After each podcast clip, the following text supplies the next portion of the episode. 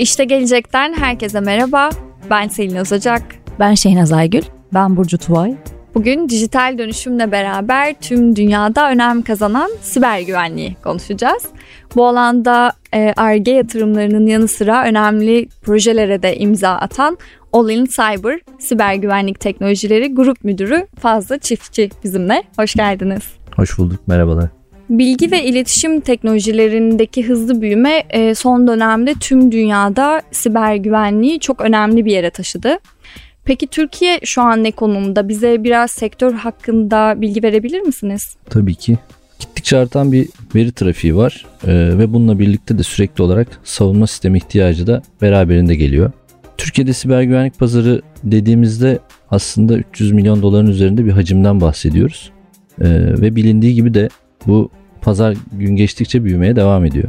Sektörde aslında uzun yıllardır global oyuncular yer alıyor. Ama bunun yanında yerli ve milli oyuncular da her geçen gün e, pazarda güçlenerek global dünyaya doğru açılmaya başlıyorlar. Biz de aslında bu yerli ve milli oyuncuları destekleyen bir danışmanlık şirketi olarak yer alıyoruz. Türkiye dijital dönüşümde her geçen gün artış gösteren istikrarlı bir konumda yer almaya devam ediyor. Bizim buradaki en büyük avantajımız da genç bir nesle sahip olmamız. Teknolojiye çok hızlı adapte oluyoruz. Aslında e, ülke olarak da teknoloji çok seven bir e, ülkeyiz, toplumuz. Her şey çıktığında hemen yenilerini kullanmaya gayret gösteriyoruz.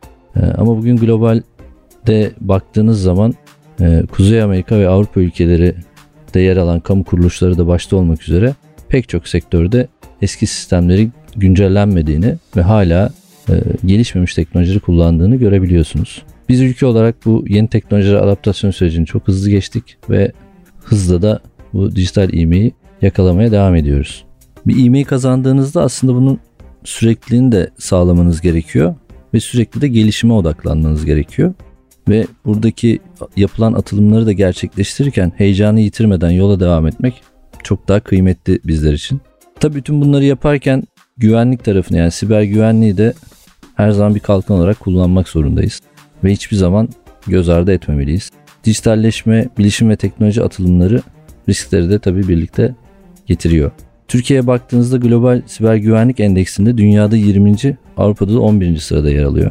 Yatırımlara baktığınızda yani sektörel yatırımları göz önüne aldığınızda da 2021'de yapılan yatırımlar bir önceki yıla göre iki kat arttığını görüyoruz. Siber güvenlik konusunun uluslararası boyutta önem taşıdığını düşünürsek e, aslında trendin bu yıl daha da yükseleceğini rahatlıkla söylemek mümkün. Günümüzde sürekli ilerleyen bir teknolojiden bahsediyoruz. Dolayısıyla kurumları da aslında yenilikçiliğe ve e, sürekli kendini geliştirmeye e, mecbur kılıyor. Bu gelişmeleri yaparken kurumların dikkat etmesi gereken hususlardan bahsedebilir misiniz? Tabii ki. Aslında baktığınızda siber güvenliğin 3 e, ana bacağı var. Sadece teknolojiyle bunu sürdürebilir kılmanız çok mümkün değil. İnsanları ve süreçleri de bu ekosistem içine dahil etmeniz gerekiyor. Güvenlikte en zayıf halkın insan olduğunu düşünürsek e, aslında zincirin en zayıf halkası eğitilmesi gereken ya da işte e, geliştirilmesi gereken ilk katman olarak düşünülebilir. Dolayısıyla öncelikle insanları eğiterek başlayabiliriz. Sonrasında şirketin süreçlerini belirleyerek bunları teknolojiyle destekleyebiliriz. Dijital ortamda şirketlerin ellerindeki en kıymetli şey e, verileridir. Bu müşteri verileri olabilir, finansal verileri olabilir. Bunların nerede nasıl kullanıldığı, nasıl saklandığı çok büyük önem taşıyor. E, dolayısıyla güvenlik teknolojilerini biraz da veriyi korumak üzerine konumlandırmak gerekiyor. Güncel teknolojileri burada kullanmak aslında en önemli kriterlerden bir tanesidir. Özellikle son 2-3 yıldır evden çalışma dönemine girdik ve bu muhtemel olarak da uzunca bir zaman devam edecek gibi gözüküyor. Bu dönemde şirketlerin sunucularına uzaktan erişim sağlayan kişilerin yaptığı aktivitelerin ya da uzaktan erişimlerin nasıl yapıldığını kontrol altına alınması gerekiyor. Diğer bir altın çizmek istediğim konu da e, bilgi ve veri güvenliğinin finansal, yasal ve itibar kaybıyla sonuçlanmaması için ihtiyacın iyi analiz edilmesi gerektiğidir. Çünkü olası bir vakada şirketler sadece bir veri kaybetmiyorlar. Bununla birlikte itibarlarını, finansal kayıplar da yaşayabiliyorlar. Şirket hangi verileri kimden nasıl topluyor, nasıl kategorize ediyor, nerede ve nasıl saklıyor, nasıl kullanılıyor?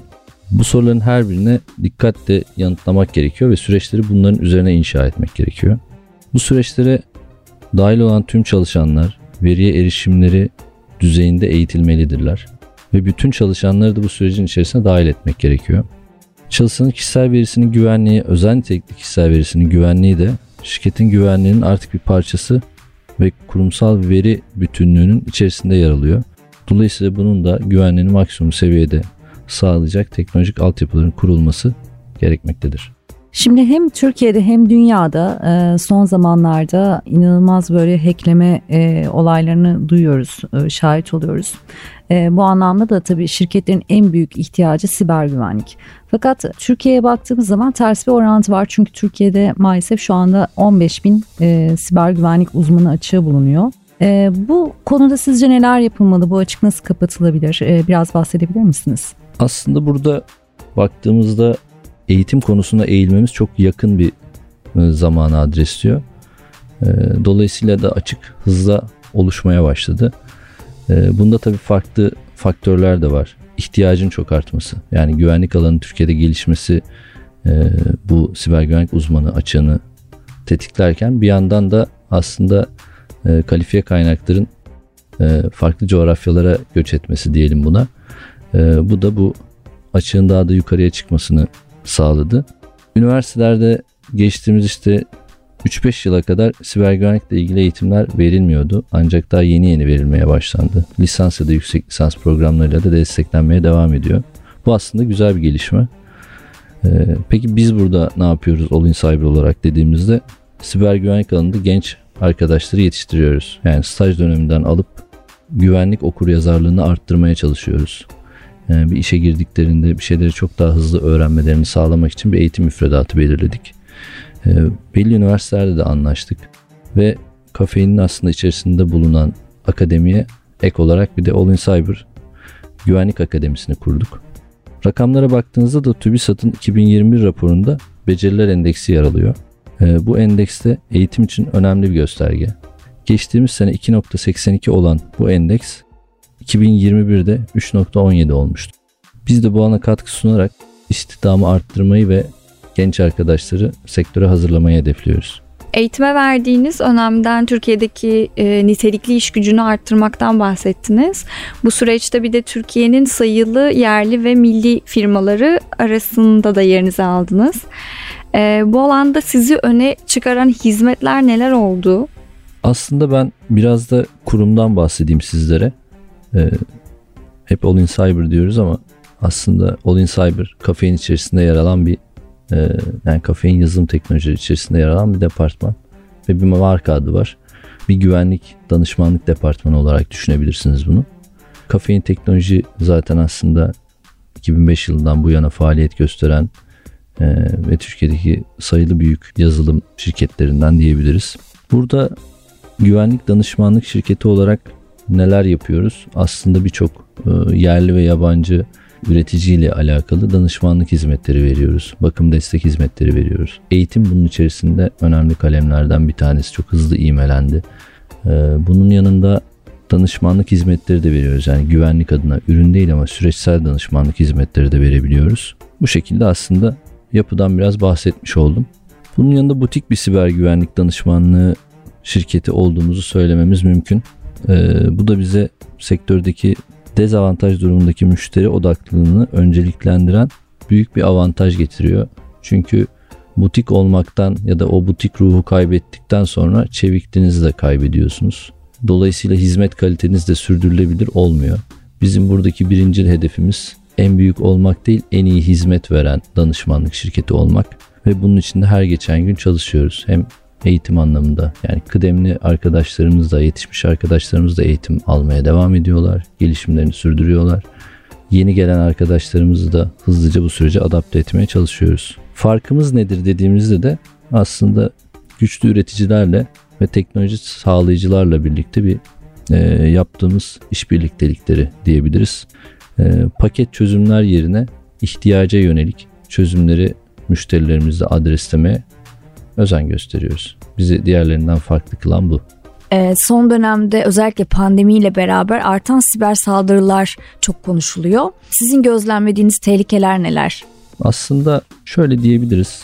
Devletler, şirketler bunların hepsini bir tarafa bırakalım. Dünya çapında baktığınızda bugün işte eski usul savaşlar yerine artık daha çok dijital savaşlar baş gösteriyor. Kurumlar ya da devletler birbirlerine bir zarar vermek istediğinde ya da bir menfaat sağlamak istediğinde dijital dünyada savaşlar yapmaya daha çok gayret gösteriyorlar diyelim. Dolayısıyla aslında baktığınızda buna dijital olarak herkes bir tehdit altında yer alıyor. Global olarak bakıldığımızda da bölgemizde yalnızca şirketler düzeyinde de değil, e, devlet düzeyinde de siber güvenliğin çok önemli bir noktada olduğunu söylemek mümkün. Bölgemizdeki en güçlü oyuncu Rusya, İngiltere, Fransa, İsveç ve Estonya'da Avrupa bölgesindeki diğer güçlü devletler arasında yer alıyor. Son dönemde fidye yazılımların sayıca çok arttığını söylememiz mümkün. Ee, bunların temel amaçları finansal çıkar elde etmeye yönelik ve saldırıları da bu şekilde planlıyorlar. Bu hem bireyler hem şirketler hem de devletler seviyesinde yapılabiliyor. Fidye yazılımlarla ele geçirilen veriler ancak siber suçlara kripto paralarla ödemeler sonucunda geri alınabiliyor. Hatta çoğu senaryoda alınamadığını görüyoruz. Ee, bu konudaki en popüler örnek de aslında 2021 yılında Amerika'daki bir enerji şirketine yapılan saldırı sonucu oluştu. Burada petrol boru hattı kapatıldı. E, petrol sıkıntısının oluşmasına sebep olundu ve aslında bu da devamında birçok şey getirdi. Uçuşlar ertelendi, benzin istasyonlarında benzin bulunamadı e, ve sonunda da olağanüstü hal ilanına kadar giden bir süreçten bahsediyoruz. E, bu tip saldırılar da aslında şirketlerin direkt olarak operasyon faaliyetlerine yapılan saldırılar ve genellikle itibar kaybetmeleri yönünde yapılan finansal bir çıkar değil de e, itibar kaybı yaratmak için yapılan saldırılardandır. Buna benzer başka bir saldırı da İrlanda'da Sağlık Bakanlığı sistemlerine yapılmıştı. E, burada özel nitelikli veri dediğimiz sağlık verileri yer alır ve aslında birçok kişinin sağlık verilerini riske girmiş oldu. Bir süre sağlık hizmeti verilemedi. Çünkü sağlık sistemi çalışamaz vaziyete geldi. Yani özetle aslında toparlamak gerekirse siber saldırı yalnızca kurumlara değil, kurumların ellerinde bulundurdukları bireylere ait verileri de hedef almaktadır. Kişisel verilerin korunması sorumluluğu da dolayısıyla kurumlara aittir. Şimdi Amerika'da bir enerji şirketine yapılan saldırıdan bahsettiniz. Ee, benzer bir şekilde İrlanda'nın Sağlık Bakanlığı'na yapılan bir saldırıdan bahsettiniz. Fide yazılımlardan bahsettiniz. Ee, bu internet yoluyla işlenen suçlar kapsamında bunların yani yol açtığı hasar e, tahmini olarak ne kadar bir büyüklüğe ulaştı?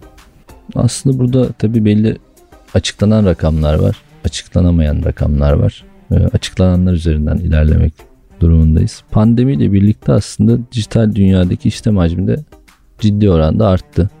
Dolayısıyla bu alandaki güvenlik açıkları ve istismar da arttı. Çünkü yüklü miktarda bir hacimde e, yani dijital hacim var ve bu aslında saldırganların dikkatini çekiyor ve iştahını kabartıyor diyebiliriz. Dünyada yaklaşık her 15 saniyede bir siber, siber güvenlik saldırısı gerçekleşiyor. Ve 2022 yılı sonuna kadar da başarılı saldırı yani başarılı olan saldırıların maliyetlerinin yaklaşık 140 milyar dolar olacağı gibi bir öngörü mevcut. Enisa tehdit ortamı 2021 raporuna göre de DDoS kaynaklı saldırılar yani aslında web erişim yani web servislerini devre dışı bırakan ve hizmet veremez konuma getiren saldırılar e, pandemi dönemiyle birlikte artış gösterdi. 2020 yılında bu saldırıların sayısının 10 milyonu aştığı gözlendi. Bir önceki yıla göre neredeyse 10 katlık bir artıştan bahsediyoruz. Keza aynı raporu incelediğinizde e, fidye yazılımı telafi etmek artık oldukça bütçe gerektiren bir iş haline geldi. 2021 yılında bu iş için ortalamada 1.85 milyon dolar ayırmak gerektiği de e, eldeki verilerde mevcut. Fazlı Bey iyi ki geldiniz. Çok teşekkür ederiz. Verdiğiniz veriler sayesinde aslında siber güvenliğin her ne kadar kurumlara, e, devletlere yönelik olduğu bir ortamda da olsak hepimizin günlük hayatlarında ne kadar etkilediğini e, öğrenmiş olduk. Her 15 saniyede bir siber saldırı yapıldığı gerçeğiyle yüzleştirdiniz bizi. Çok teşekkürler. Ben de beni bugün konuk ettiğiniz için sizlere çok teşekkür ederim. Umarım aydınlatıcı olmuştur.